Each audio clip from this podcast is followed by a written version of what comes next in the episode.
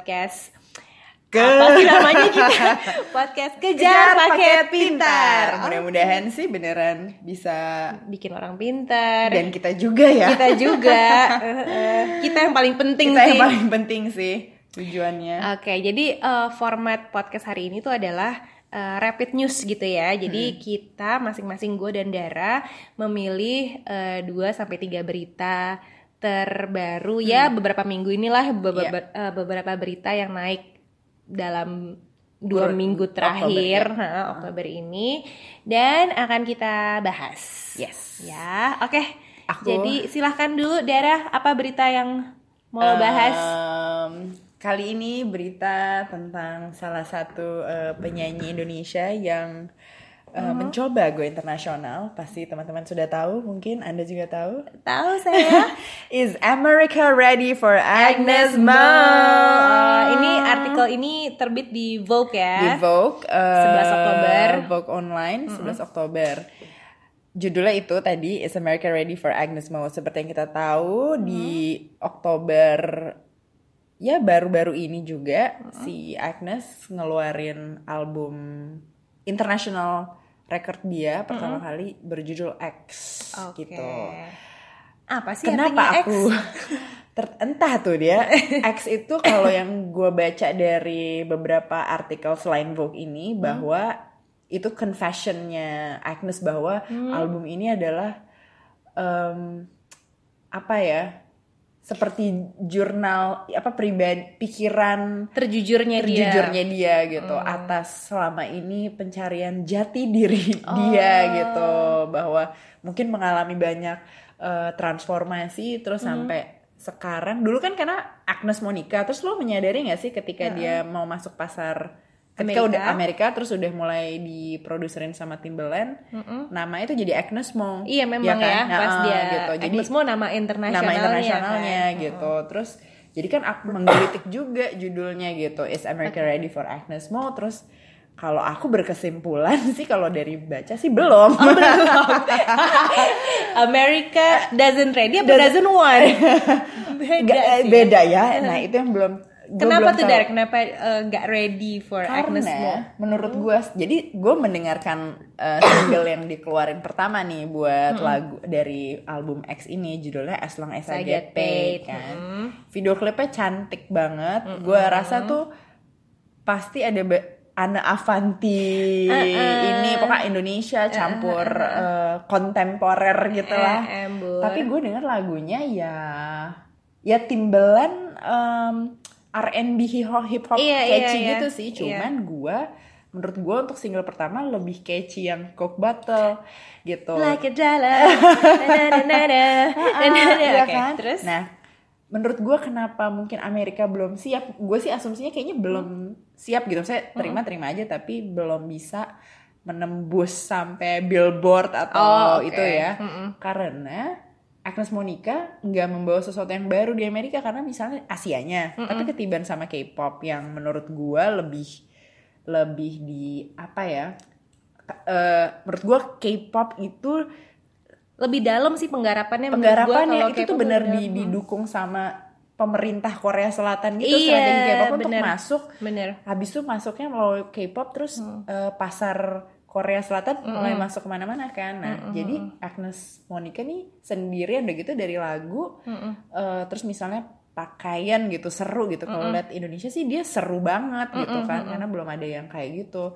Tapi ketika di Amerika ya udah banyak. Udah banyak. Ini Beyonce ish banget kan. Beyonce-ish gitu jadi Beyonce yang kemarin itu kan Ah, It. ah, misalnya Nicki Minaj atau apa gitu. Jadi menurut gue agak sulit gitu Iya, kalau iya, iya. dia eh, mau mencoba menembusnya nih golnya sampai mana sih sebetulnya? Iya. apakah memang asal diterima aja gitu bisa masuk chart internasional gitu? Tapi kalau sampai terjual laris gue nggak tahu juga Iya, ya iya, jangan-jangan eh, Agnes Monica harus evaluasi ulang membaca Iya. riset, eh, riset pasarnya lagi. Iya apakah beneran ada pasarnya dia di Amerika kalau enggak mendingan fokus ke yang ada pasarnya kan gitu Iya memang. Kayaknya tuh dia tuh gini loh. menurut lo gimana lah Dia tuh seleranya, selera pribadi dia tuh Ah, ah. adalah seperti ini ya. Iya, Maksudnya iya. hip hop Timberland gitu. Ah, ah. Sementara kalau Indonesia kan sukanya eh, balada-balada Iya, gitu bener kan. sih bener Heeh. Nah, nah, nah, nah, nah. apalah lagu-lagu gitulah ya. Makanya kalau Agnes Mo di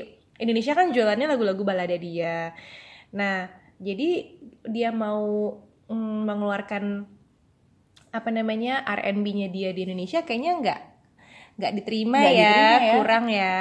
Tapi kalau di Amerika nothing new. Nothing new. Uh-uh. Jadi ah, ah. terus gue melihat nanggung. waktu dari dulu dia bilang gue mau go internasional, go internasional tuh jadi ide gue mesti mesti go internasional tuh udah udah ke Patrim terus merasa mungkin tanggung jawab ke publik gitu gue udah ngomong go Iya, internasional malu dong kalau enggak, enggak, kalau gitu. mudik kan malu. kalau balik terus nggak jadi gimana gitu Embur, iya. eh, padahal menurut gue ya kalau emang nggak ada pasarnya ngapain gitu udah buang resource banyak kan pasti Iya, kan iya, dia iya. jangan maksa "Ah, ya. ah, nggak usah maksa gitu loh Mm-mm. Jadi sebenarnya bukan is America ready for Nah, Agnes, Agnes Mo, Mo, ya. tapi is Agnes Mo ready for America gitu loh. Mungkin Maksudnya ya. lo siap nggak sih nembus Amerika Iya, gitu. gitu. Lo lo Dan- udah riset yang bener belum? Ah, dan kenapa sih harus Amerika gitu Mm-mm. bener nggak Kenapa sih nggak? gitu kenapa nggak Korea Utara gitu Korea mungkin Utara, ya. Afrika Afrika gitu, gitu, kan pasti banyak. lo pengen nggak tahu ya gue pasti kan pengen laris Iya, iya, eh, iya, iya. albumnya kan atau cuman pengen dilihat bahwa kayak kebanyakan orang di sini kalau keluar negeri tuh status naik gitu Eh, Status kan iya bener bener bener. Apa Tapi cuma kosong, gitu kosong ya, gitu kosong. ya. Pulang-pulang ya bawa foto-foto aja. aja tapi nggak Sama kayak Agnes Mo nih menurut gue video klipnya kan ekstravagan, Da Vinci nah, gitu iya. ya. Tapi kosong gitu loh, ya Dar. nggak Eh, ya lo nggak meninggalkan or- penuh dengan ornamen-ornamen ya udah tapi nggak ada kesan mendalam Iya, gitu ada loh. kesan mendalam. Beda kalau gue nonton video klipnya Sia gitu kan, itu kan kayak emang dipik ada Feel emosinya, emosinya, benar, gitu loh, gak dalam. ini nggak ada emosinya Ini cantik-cantik air ornamen aja. Heeh. Jadi begitulah artikel pertama dari Kula Betul, aduh penting banget. penting sih, Penting saudara. ya. Oke, em, sekarang dari kita gua, masuk ke artikel kedua artikel gua itu adalah Ya. sebenarnya bukan artikel ya, Ya, tapi isu. oke Eh, ya. event yang terjadi baru saja kemarin karena Oke. sekarang tanggal 17 Oktober ya yaitu pelantikan Anies Baswedan dan Sandiaga Uno jadi Oh my God, gubernur iya, iya, dan iya. wakil gubernur DKI. selamat ya lah gue kan warga Depok Warga De oh ya warga Cinere Depok ya. gue, Jawa Kamu nggak Barat. Iya, nyoblos ya. Ma- tapi Enggak. lo kalau nyoblos lo bakal nyoblos siapa kemarin? Ahok sih. Ahok Ah. iya. Gue juga nyoblos Ahok. Oke, jadi sebelumnya gue me- menerangkan posisi gue dulu ya. Iya, ha. Gue nih eh, milih Ahok. ya Jadi gue kemarin nyoblos Ahok, tapi gue nggak bisa dibilang Ahokers karena gue nggak fanatik. Ya. Jadi Ya. gue men gue mendukung Ahok dan gue nggak gue itu nggak menerima dia di kriminalis kriminalisasi dengan ucapan al-maidahnya itu dan gue juga eh, merasa dia di penjara itu nggak fair karena pasalnya pasal yang menjerat itu pasal karet Hmm. tapi kal apakah dibilang gue ngefans banget sama Ahok sebagai gubernur? Mm-mm. nggak juga. Dari dulu tuh gue merasa biasa-biasa aja. Karena dulu mungkin gue nggak terlalu ngikutin sepak terjangnya gitu. Yang gue ikutin kan hanya berita-berita sepotong atau em, cerita-cerita viral atau video-video viral yang sepotong-sepotong gitu Iya. dari media sosial. Tapi gue nggak mengikuti sepak terjangnya secara utuh gitu. Hmm.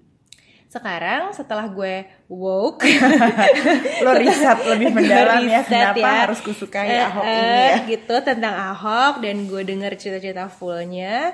Ya gue semakin netral aja sama dia. Ya. maksud gue ya dia manusia biasa gitu ya. Dia mungkin tegas mungkin punya integritas tapi gue tapi gue juga harus akui mulutnya itu kadang kelewatan memang emosinya memang kelewatan terus gue nggak setuju sama reklamasi jadi ya oke lah gitu loh gue Oke. nggak gue nggak bisa menyebut diri gue ahokers tapi gitu ke- tuh karena fanatik. pilihannya hanya itu jadi jadi memang karena di mana mana pemilu gitu ya pemilihan pemilihan pemimpin tuh emang konsepnya always pick lesser of the evil Iya, gitu loh lesser. kan nggak ada yang Nggak ada yang malaikat banget banget. gitu kan kayak Iya, ya lo iya. pilih yang paling mending deh gitu Heeh, kan oke heeh. menurut gue kemarin Ahok dan Anies ya menurut penilaian gue yang paling mending ya Ahok lah gitu Oke. terus Iya, iya, misalnya nanti Jokowi sama siapa gitu kan ya ya Nanti lihat lagi ya. lihat lagi lah siapa yang paling mendingan lah gitu Ah, lesser of the evil aja begitu nah tapi dulu pas zaman pilkada gue juga tersulut maksudnya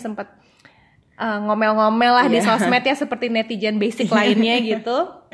Tapi gue menyadari bahwa itu bukan karena gue membela sosok Ahok tapi karena tersulut ya Ah, ya mudah kan ya kita ya disulut. gampang gitu loh orangnya tuh. Kurang nggak tebel gitu imannya tuh nggak tebel ya begini gampang marah gitu kan. Jadi gitu gue itu sempet lah panas-panas lah pas pilkada Hmm. Everybody sempet panas tapi gue lebih panas sama kubu-kubunya sebenarnya Iya, gitu iya, iya. dan terus Ngelihat mereka ter- fanatik fanatiknya buta eh, gitu ya. terus menjelek-jelekan Ahok terus Iya. gue yang bakal nyoblos Ahok kan terpi- terpancing juga Iya. ya nah tapi sekarang ini gue melihat sangat netral gitu Ahok bukan netral sih ya jernih gitu ya kayak Oke. Ahok ya udah dia nggak seheroik itu kok gitu Iya. Anies ya nggak sebusuk itu juga Iya. come on he's not Hitler gitu Iya, loh nggak iya. usah lo Oh, iya. nggak usah lo uak-uak banget gitu ya udah jadi Mm. eh, posisi gue seperti itu maka di pelantikan kemarin gue udah gue gue dan dan gue menerima aja sih Anies sebagai gubernur Iya. Gue Ya udah sih, ya emang kan udah kita emang pilihan. orangnya males-males gitu ya submisif submisif Iya. aja kan ya Ya udah udah lah dipilih gitu. mayoritas itu Nah, kan. jadi gue udah gue udah cukup menerima lah Anies sebagai gubernur terus Berikanlah dia kesempatan ya. berikanlah dia kesempatan gitu. Untuk Ahok ya yang sangat gue sayangkan adalah ya dia di penjara. Jadi gitu. Jadi bukan masalah oh kenapa Ahok kalah, bukan Hmm. bukan kalah, tapi gue kalau dia kalah ya sudah, tapi gue menyayangkan dia di penjara gitu. Setuju. Oke, nah terus di untuk topik ini gue tuh mau ngebahas beberapa blunder eh, di acara pelantikan kemarin. Lo nonton nggak? Gua eh, sejujurnya tuh nggak nonton. Jadi gue hanya Pokoknya karena gue kemarin eh, pergi-pergi keluar kota, terus ribet sama urusan sendiri, gue cuman ngeliatnya dari sosial media teman-teman Oke. sendiri sih. Jadi ketika udah mulai meme, terus eh, komen apa pasang status ya. Iya. Nah, Ini duh sorry ya gue nih batuk Game of nih, Thrones is coming lagi gitu Game of kan. Thrones is coming Ah. mati nih. Jadi eh, Eh, jadi gimana blundernya? blundernya adalah ini gue nonton, gue Ya. nonton acara pelantikannya tapi sepotong-sepotong. Jadi nggak nggak nggak full gitu. Ya. Nah, menurut gue ini dari blunder yang ringan-ringan dulu ya, ha. adalah waktu acara setelah pelantikan kan ada kayak pesta rakyat gitu ya, ada hiburan-hiburan gitu. Terus ada grup musik atau grup penyanyi gitu menyanyikan lagu We Are the Champion Oh, kan, ya? We Are the Champion. Nah, ya ya di, Hmm. dinyanyikan juga sama Anis. Dan menurut gue itu blunder karena itu lo menaburkan garam di atas lukanya para ahokers gitu loh. Jadi Oh, iya, iya. Udahlah ini udah lewat masa kampanye udah lewat masa kompetitif terus eh, eh, lo nggak harus yang kayak hei kita menang loh Ah, wewe wewe gitu jadi itu kayak nyinyir ke yang kalah gitu loh jadi dan sementara situasinya kan sensitif banget lo jangan deh ini siapa sih yang milih Iya. lagu biar champion Aduh, pengen gue toyor ah, deh Kenapa nggak bisa cari yang netral aja ya? Iya, wong orang udah sensitif. Lagi-lagi ini bukan salah Anis. Nah, Iya. hal-hal kayak gitu tuh gampang banget dipelintir sama orang-orang. Oh, Anis nih, Anis. Padahal bukan salah Anis gue. lagu Iya. zodiaknya orkes pengantin racun? Itu yang mana sih, Mbak? Nanti gue pasang yang ini bintangku Oh, apa ke bintangmu? Eh, O- OMPMR ya. Nah, itu lebih cocok Lebih kan cocok, pesta kan? rakyat ini. Heeh. Terus yang kedua, kedua blunder blundernya yang apa, lain Mbak? adalah in- ada Indra Piliang di acara itu. Lo tau Indra Piliang tahu, nggak? sorry gue nggak tahu itu sumpah gue nggak tahu. Gue juga nggak, gue tuh tahu Ah. Indra Piliang itu adalah karena dia itu ter Oh, politikus. ikutan, mm, ya dia politikus dan dia itu Golkar. ikut em, pas eh, apa sih namanya? Pas JK lo pas Oh iya, iya. lo familiar nggak mukanya pas familiar 2004? Enggak ya? Tapi padahal dia berseliweran ada di dalam tim itu. Iya, iya. Lo pas yang ikut-ikut kampanye Iya. itu 2004 ya? 2004. 2004 yang kan? pergi Ya sama pas lo, kan? 2009. Uh-uh. Ya, Ika Indra Piliang itu terlibat di kampanye JK, Ah. SBY JK itu waktu 2009. eh bener gak sih mak Tapi dia Kok CSIS. SBJK sih gue kan ketahuan begonya dia Eh. oh, tapi bener dong SBJ kalau dong. bukan SBJ kan 2004 2009 kan Oh, 2009 eh, sih. JK Wiranto Iya. Eh, ya pokoknya gitulah gitu ya dia politikus Oh, dia lah CSIS juga ya karirnya. Nah, terus September kemarin Indra Piliang tuh ketangkep polisi karena menggunakan narkoba. Oh. Udah deh, udah udah tersangka, udah ditahan, tapi kok ya nongol di acara balai kota. Loh. Makanya jadi buat orang Oh. yang paham gitu ya, yang kayak loh, terus dia tuh posisinya tuh berdiri Deket. persis di belakang Anies, jadi kesorot banget, kesorot kamera, kesorot Tapi itu spotlight. jadi bahasan media nggak Nggak, atau itu enggak? itu gue gue gue yang ini gue yang Oh. ngeliat gue nggak ngeliat di sosmed ya gue nggak ngeliat pembahasan di sosmed cuman gue kayak loh Indra Piliang nih kan harusnya ditahan. Apa udah selesai? enggak, belum. Heeh, baru gitu. Jadi itu lagi-lagi bisa dipelintir hologram atau mungkin eh, karton gitu loh. Oh, iya. Kata karton. Oh, Nggak, iya nggak. sih bisa dipelintir itu sih. bisa dipelintir lagi yang kayak ah ada buron di acaranya Anies gitu. Ya itu lagi-lagi nggak penting. Menguntungkan kubu Ahok sebetulnya ya. exactly. Ini Yeah. makanya blunder-blunder kayak gini. Nah. terus kemudian blunder yang ketiga adalah Jarot nggak hadir kan Karena jalan-jalan ke Labuan Bajo jadi Nah, kesannya kayak gue nggak mau datang eh, gitu tapi ya. memang katanya sih memang nggak mau datang memang nggak emang ada gondok-gondok gondok, oh. eh, gosipnya ya, ya, tapi ya udahlah. Iya ya udah maksudnya ya emang mending liburan ya, ya. daripada seremonial Ah, gini. ah, ah, Tapi maksud gue ya itu lumayan nekat sih dia nggak datang karena ini kan pilkadanya tegang. Iya tegang ya. Jadi harusnya kalau diplomatis dia datang. Dia gitu. datang kan misalnya liburan doang sebenarnya kan bisa di reschedule-nya dengan gampang kan. Hatinya nggak kuat kali. Hati Pak Jarod suka nangis. suka nangis. Ya Ember Takutnya dia nangis lagi. Iya, makanya kayaknya dia hatinya kan halus, Halus ya. heeh. Heeh, jadi Begitu nanti seremonial apa dia nggak kuat gitu ingat Pak Ahok. Ingat Pak Ahok dia masih gondok banget terus sih Ahok di ingat penjara. ketegangan segala macam gitu tuh. Makanya main mungkin ya. Aki kakak Kabur. ke Labuan Bajo main sama komodo. Oh, mungkin lagi baca puisi di sana ya. iya lagi baca sajak dia di sana. Tapi itu makanya itu sebenarnya mm, itu ya jadi dibahas di sosmed kan kayak iya, iya. "Eh, ini nggak ini nih nggak berhati besar nih gitu. Nah terus blunder yang paling heboh adalah Anies mengucapkan me- membawa isu pribumi dan non pribumi di pidatonya. Jadi ngomongnya gue nggak gue nggak karena gue nggak tahu tapi gue lihat gue lihat ketika semua orang di- Rame-ramenya rame itu di ya. sorry pribumi terus ngasih um, definisi pribumi apa gitu Iya, jadi, itu cerita tuh adalah bagaimana? Ceritanya itu adalah, jadi kan Anies tuh kan di acara pelantikan kemarin tuh dua kali pidato ya. Yang pertama pidato di Istana Negara waktu selesai dilantik, terus kemudian pidato lagi di yang pas acara pesta rakyat Ah, itu ah. gitu ya. Jadi ini udah kayaknya second official speech gitu. oke Terus yaudah dia berpidato lah, bla bla bla bla bla bla. Kalau mau tahu teks lengkapnya di Google aja ya. Nah, Ada tuh ya. Ada. Nah tapi jadi em, sebenarnya isinya itu normatif ya, isi pidatonya tuh normatif, standar-standar aja bahwa Hmm. mm, Jakarta itu milik semua, Oke. bukan hanya milik segelintir kelompok. Terus apalagi ya gue nggak hafal deh gitu kan. Terus dia sempat mengucapkan sih kita harus rekonsiliasi gitu karena kemarin sempat terbelah terbelah Iya, gitu kan harus em, Hmm. bla bla bla. Nah, tapi kemudian dia itu mengucapkan kata-kata indang. Sebentar ya, gue harus buka contekan dulu nih. Dulu kita semua pribumi ditindas dan dikalahkan. Kini telah merdeka. Saatnya menjadi tuan rumah di negeri sendiri.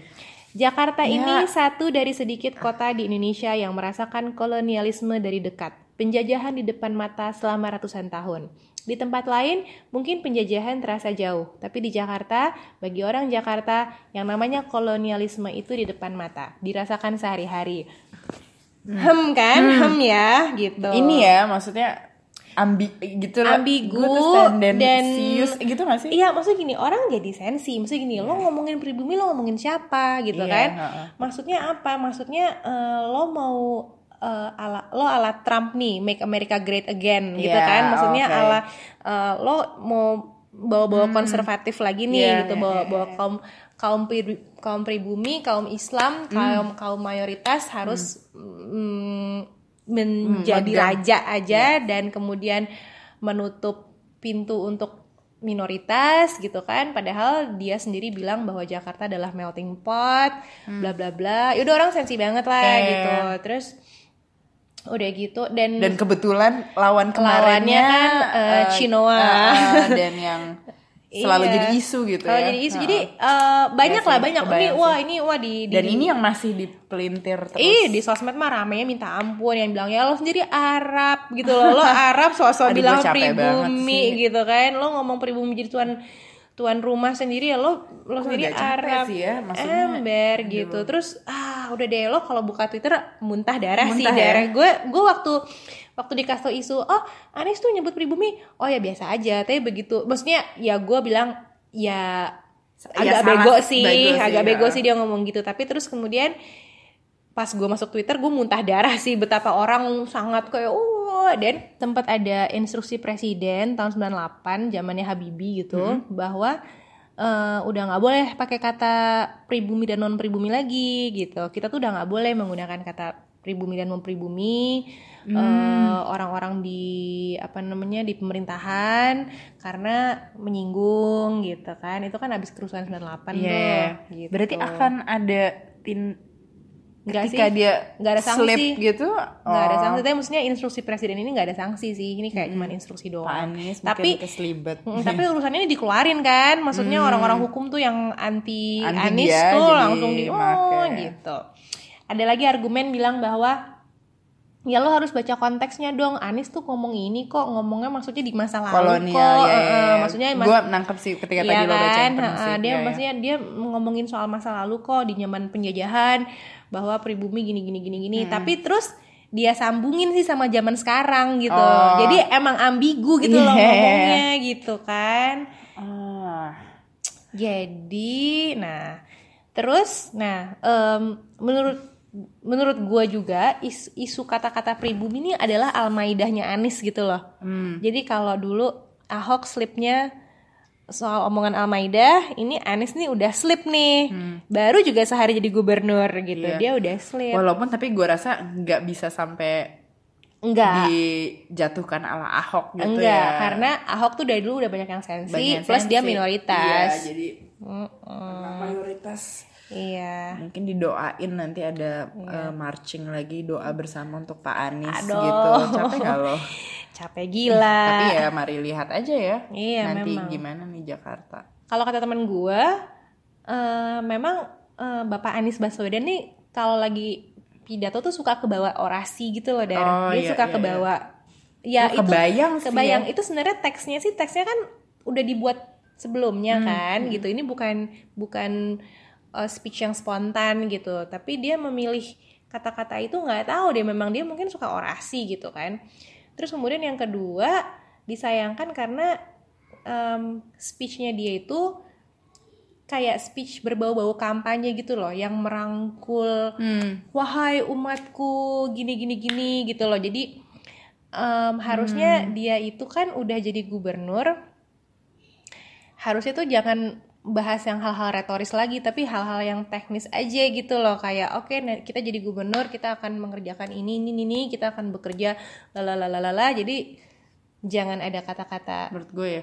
Tapi dia suka berbunga-bunga gitu berbunga sih. flowery Ah, words ah, kan. ah, ah, ah. menenun kebersamaan. Apalah itu merajut apalah itu merajut kasih atau apa. emang.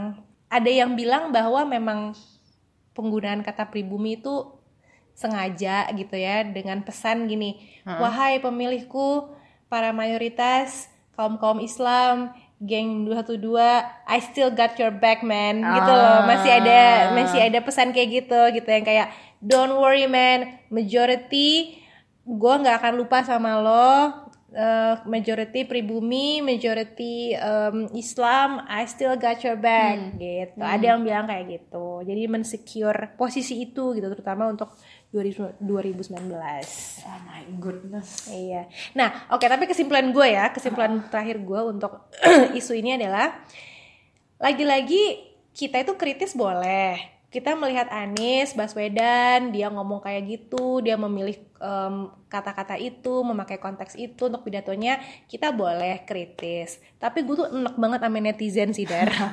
Kesimpulan selalu gue Itu- itu, itu selalu sih, selalu mulai ya. dari Raisa sampai Anies, semua salah netizen gitu. Gue tuh bingung kalau Mm.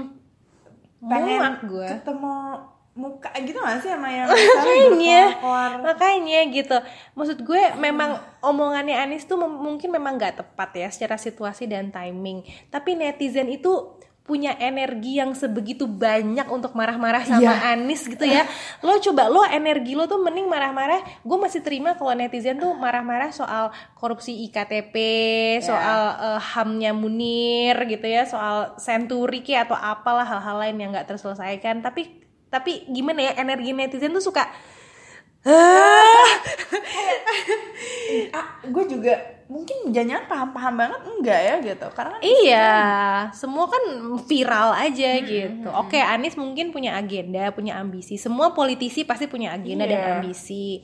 Tapi ya kita harus kritis terhadap agenda dan ambisi orang-orang itu. dan tapi suka fanatik berlebihan itu Eh, eh, ya, tapi itu loh. fanatik dan energi lo tuh berlebihan untuk bencinya, perang, untuk perangnya. benci. Oh, come on. Ah, gila Iya, gitu. Begitu deh. Ya Sebel kan baru Gua juga harus- sehari pelantikan nih Ah, udah. gue harus rame. menenangkan berita ini dengan berita selanjutnya. Apa? Coba tenangkan hatiku yang panas ini dari Iya. Dari ngomongnya agak dekat oh ya sedikit mungkin. jadi em, di tanggal 3 Oktober Kompas The entertainment sini jadi kayak sedikit em, supaya mudah-mudahan menghibur ya bahwa eh, ada pernyataan kangen band adalah aset negara. Wah, emang iya sih. iya sih iya sih Andika tuh kayak the hidden treasure of Asia. Iya. Ngomongin intermezzo dari artikel ya, lo ingat gak sih waktu Andika kangen band ditahan karena narkoba? Terus gue lupa, aduh gue baca netizen juga atau gimana yang ngomong gini, siapa sih yang ngasih tahu Andika eh, kalau mau cakep pakai narkoba? Salah deh. Salah deh. Kecele deh. Siapa bilang? Wong udah ganteng kok. mas- masih Masih perlu pakai narkoba. masih pakai narkoba lagi. Anjrot. Jadi si berita berita itu mengabarkan bahwa Kangen Band nih eh, lagi menuntut satu eh, label record label yang menaungi mereka bahwa royaltinya tuh kok nggak sesuai dengan yang seharusnya gitu. Bahwa mereka kayak cuma dibayar 70 juta sekian gitu tapi mereka melihat di karaoke itu ada lagunya mereka YouTube pakai ringtone. ringtone segala macam gitu. Terus eh pengacaranya jadi pengacara yang ditunjuk kan lagi-lagi pengacara tuh suka berle- Lebay. berlebihan kan mungkin memang semua sekolah teater deh gue rasa tuh eh, Gua rasa belajar tuh, dramaturgi gitu loh Enggak. Pengacara itu double job bisa jadi pemain teater iya bisa sebenarnya. main teater menurut Hotman gue tuh bagus kali ya. Makanya cocok sama Mariam Mbak- Belina.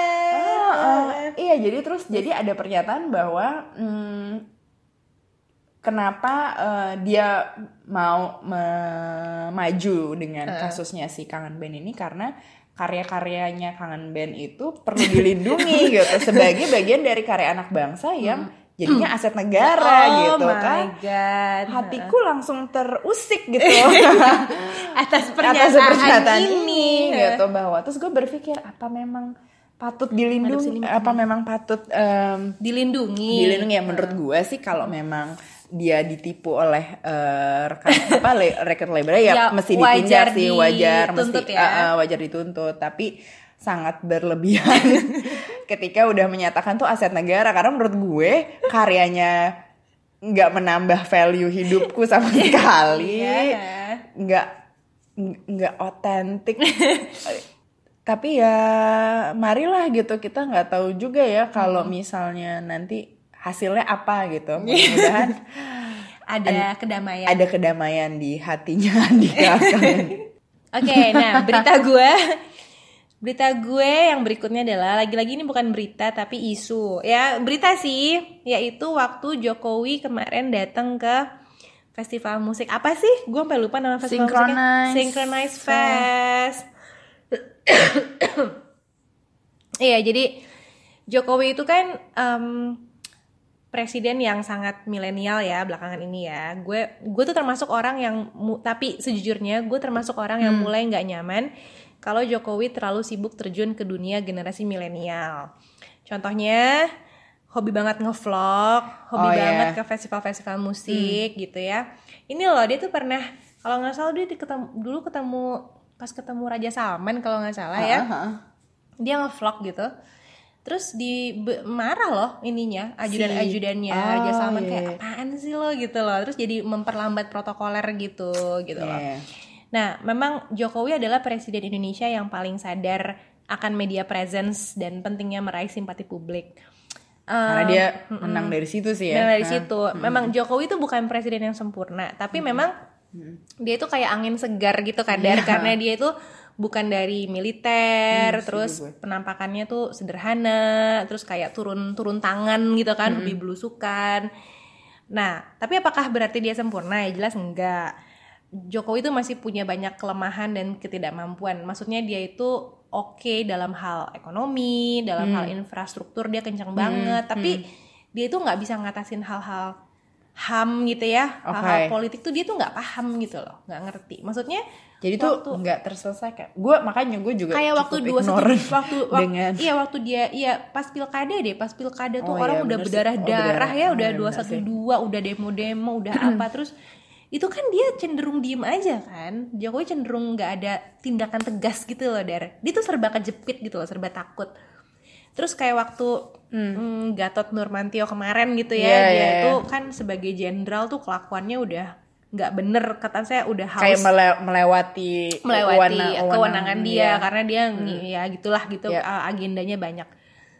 Itu presiden tuh sebenarnya bisa marahin dia gitu loh. Bisa ngasih dia sanksi bisa marahin lah etis Tapi ini enggak diem ya? aja gitu. Jadi untuk soal politik soal ham gitu isu-isu sosial tuh dia tuh doesn't have the balls gitu loh menurut gua ya Jokowi. Jadi tapi di sisi lain ya memang dia bekerja memang benar memang dalam hak ekonomi tuh dia Hmm. Iya. kencang gitu Gue setuju sama lo sih ketika misalnya dia eh, engage sama millennials Millennial. gitu terus Eh, memakai eh, medianya Media. millennial- millennials sih nggak apa-apa tapi isu yang dikedepankan kan em, mungkin ya misalnya balance balance juga gitu bahwa kayak kita pengen tahu juga em, tindakan dia terhadap yang misalnya tadi ham yang belum selesai gitu terus apa pun itu mungkin eh kenapa nggak dia vlogin juga seperti Iya, Awkarin iya, iya. curhat exactly, gitu ya Exactly, Walaupun exactly. itu exactly dia tuh punya punya channel yang ditonton oleh Eh, eh, banyak gitu bahwa orang. mungkin Hmm. bisa dia bisa bilang gitu jadi daripada kita ngeliat dia diem aja nggak ngapa-ngapain cuman kita pengen tahu gitu bahwa misalnya jangan Hmm. dia ya gue nggak tahu bahwa mungkin kalau presiden nggak mungkin secair itu ya Iya, bahwa iya. bisa cerita kalau oh isu ham tuh super sulit Iya, diselesaikan misalnya belak-belakan aja kenapa Munir nggak kita masih nggak jadi prioritas jadi atau prioritas, atau- kenapa gue nggak marahin Jenderal Oh, Gatot Gatot, gitu eh. kan gitu mungkin dia bisa bikin vlog tentang iya, itu ya. At least menerangkan kepada anak muda gitu ya. jadi isu yang dia angkat tuh semua isu gitu kan yang bel jadi kita nggak ngeliat bahwa eh kayaknya dia maunya ngerjain apa dia fokus sama ini aja deh ya walaupun gue tahu sih ngurusin negara Iya, dan banyak permainan politik sih kayak dia dia itu dicengkram sama mana ma macam Mama Mega gitu-gitu loh. Itu kayak gitu-gitu tuh agak sulit. Mama Mega masuk dong blognya dia Mama Mega tuh makanya ngevlog bareng kayak gitu. Heeh. Nah, tapi Iya, iya, oke, iya. tapi em, citra Jokowi di lingkungan gua ya, lingkungan bahkan kita kan udah milenial tua ya gitu Iya, ya di iya. lingkungan perempuan dan ebes-ebes gitu. Iya. Citra Jokowi itu tetap positif gitu, tetap Oke. adorable, lovable gitu kan, pekerja keras, down to earth.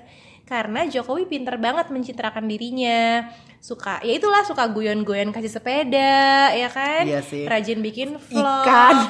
ikan ikan apa yang bisa nyanyi? Ikan Fauzi. Terus mempopulerkan dari selfie. mana dari Sabang sampai Lihat ini dari Sabang sampai Merauke. Dari mana Pak? sama sama oke oke kalau ada yang nggak tahu videonya nonton ya. Search cari ya. deh. Ah, search aja lah Iya, pokoknya iya, bener sih. Ah, ah, masih jadi masih tercuri rajin ke hati konsep orang-orang Ah, ah, ya. orang tuh kecuri gitu. Jadi Ketuku lah. ke, ketuku itu tahu sih, banget tahu apa banget. yang lagi ngetren Ih, gitu kan. benar es kopi tuku gitu. Jadi dia itu pinter dia tuh sadar gitu. Dia tuh sadar media presence dan dia manfaatkan. Dia eh, apa namanya berusaha mencuri hati millennials. Kenapakah begitu? Gitu kan. Iya, iya, konon katanya karena Jokowi itu nggak punya partai, Oke. terus dia itu nggak punya orang yang bisa dia percayai. Katanya tuh Bu Ibu Irina Jokowi tuh em, sampai pernah nangis-nangis curhat gitu loh yang kayak Ah. siapa sih orang yang bener-bener bisa kita percayai karena eh, dia merasa kanan kiri tuh pengen memanfaatkan Jokowi, pengen memanfaatkan mereka gitu. Jadi siapa sih yang bisa kita benar-benar percaya gitu nggak ada. SBY itu masih punya orang-orang kepercayaan dalam kabinetnya gitu. Iya. ada tiga menteri kalau nggak salah yang bener-bener House of Cards. Kan yang bener-bener dia percaya. Tapi kalau Jokowi itu nggak punya. Jadi backup dia adalah publik gitu. Jadi tuh dia tuh merasa dia harus dicintai sama publik. Dia harus populis gitu. Dia Hmm. Iya, iya. harus merebut hati hati anak-anak muda. Dan nggak susah karena anak-anak muda itu gampang terpesona sama hal-hal yang nggak substansial, Vlog ya. Makanya ya mungkin jangan-jangan anak muda itu yang harus kembali mengingatkan kayak Pak, oke kita paham, lo udah Oke, lo eh, lo seneng eh, nih sama exactly. dunia kita gitu. Tapi please educate kita juga tentang isu yang lebih penting. Exactly, Ya nggak sih? exactly. Anak muda tuh harus balik kritis ah, ah, balik gitu. kritis gitu.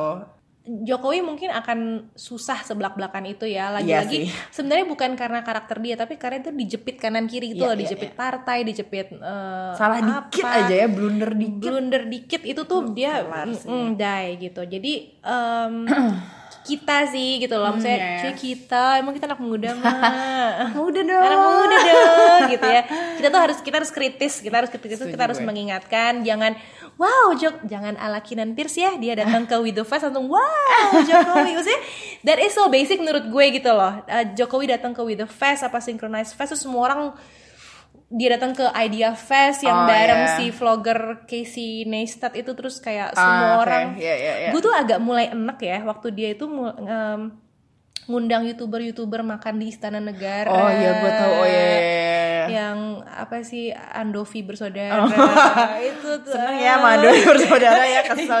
Kesel.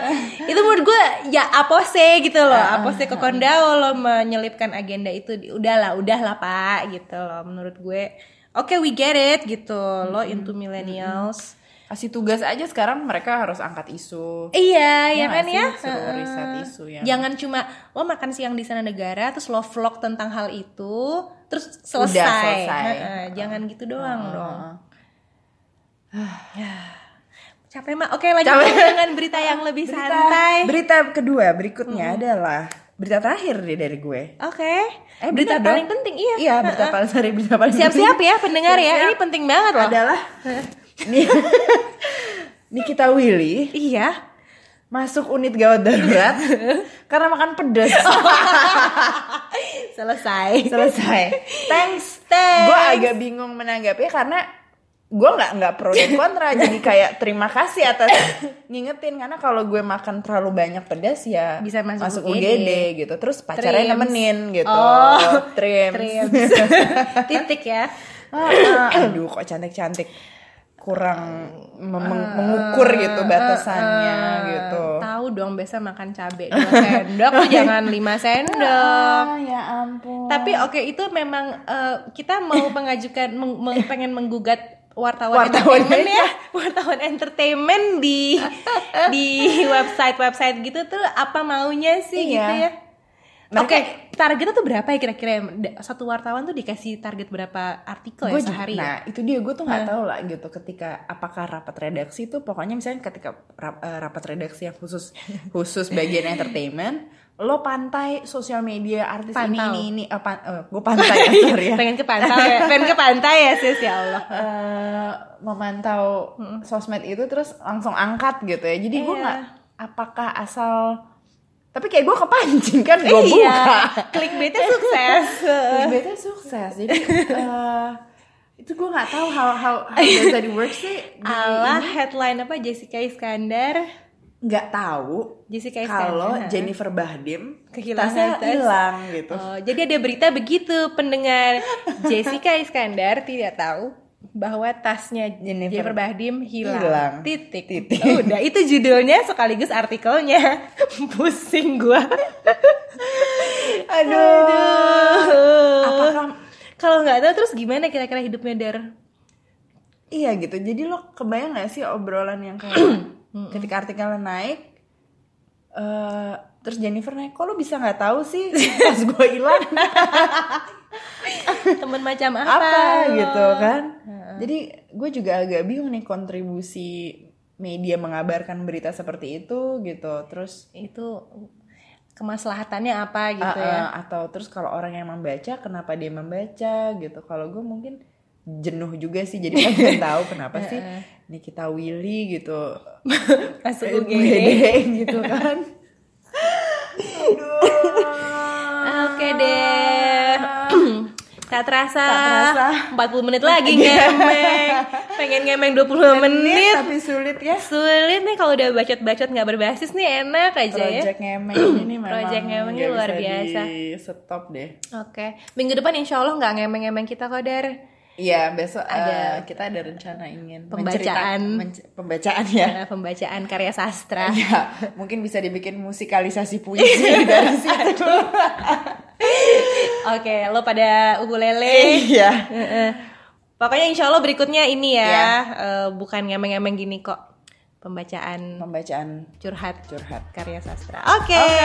ditunggu ya. Terima kasih. Dadah.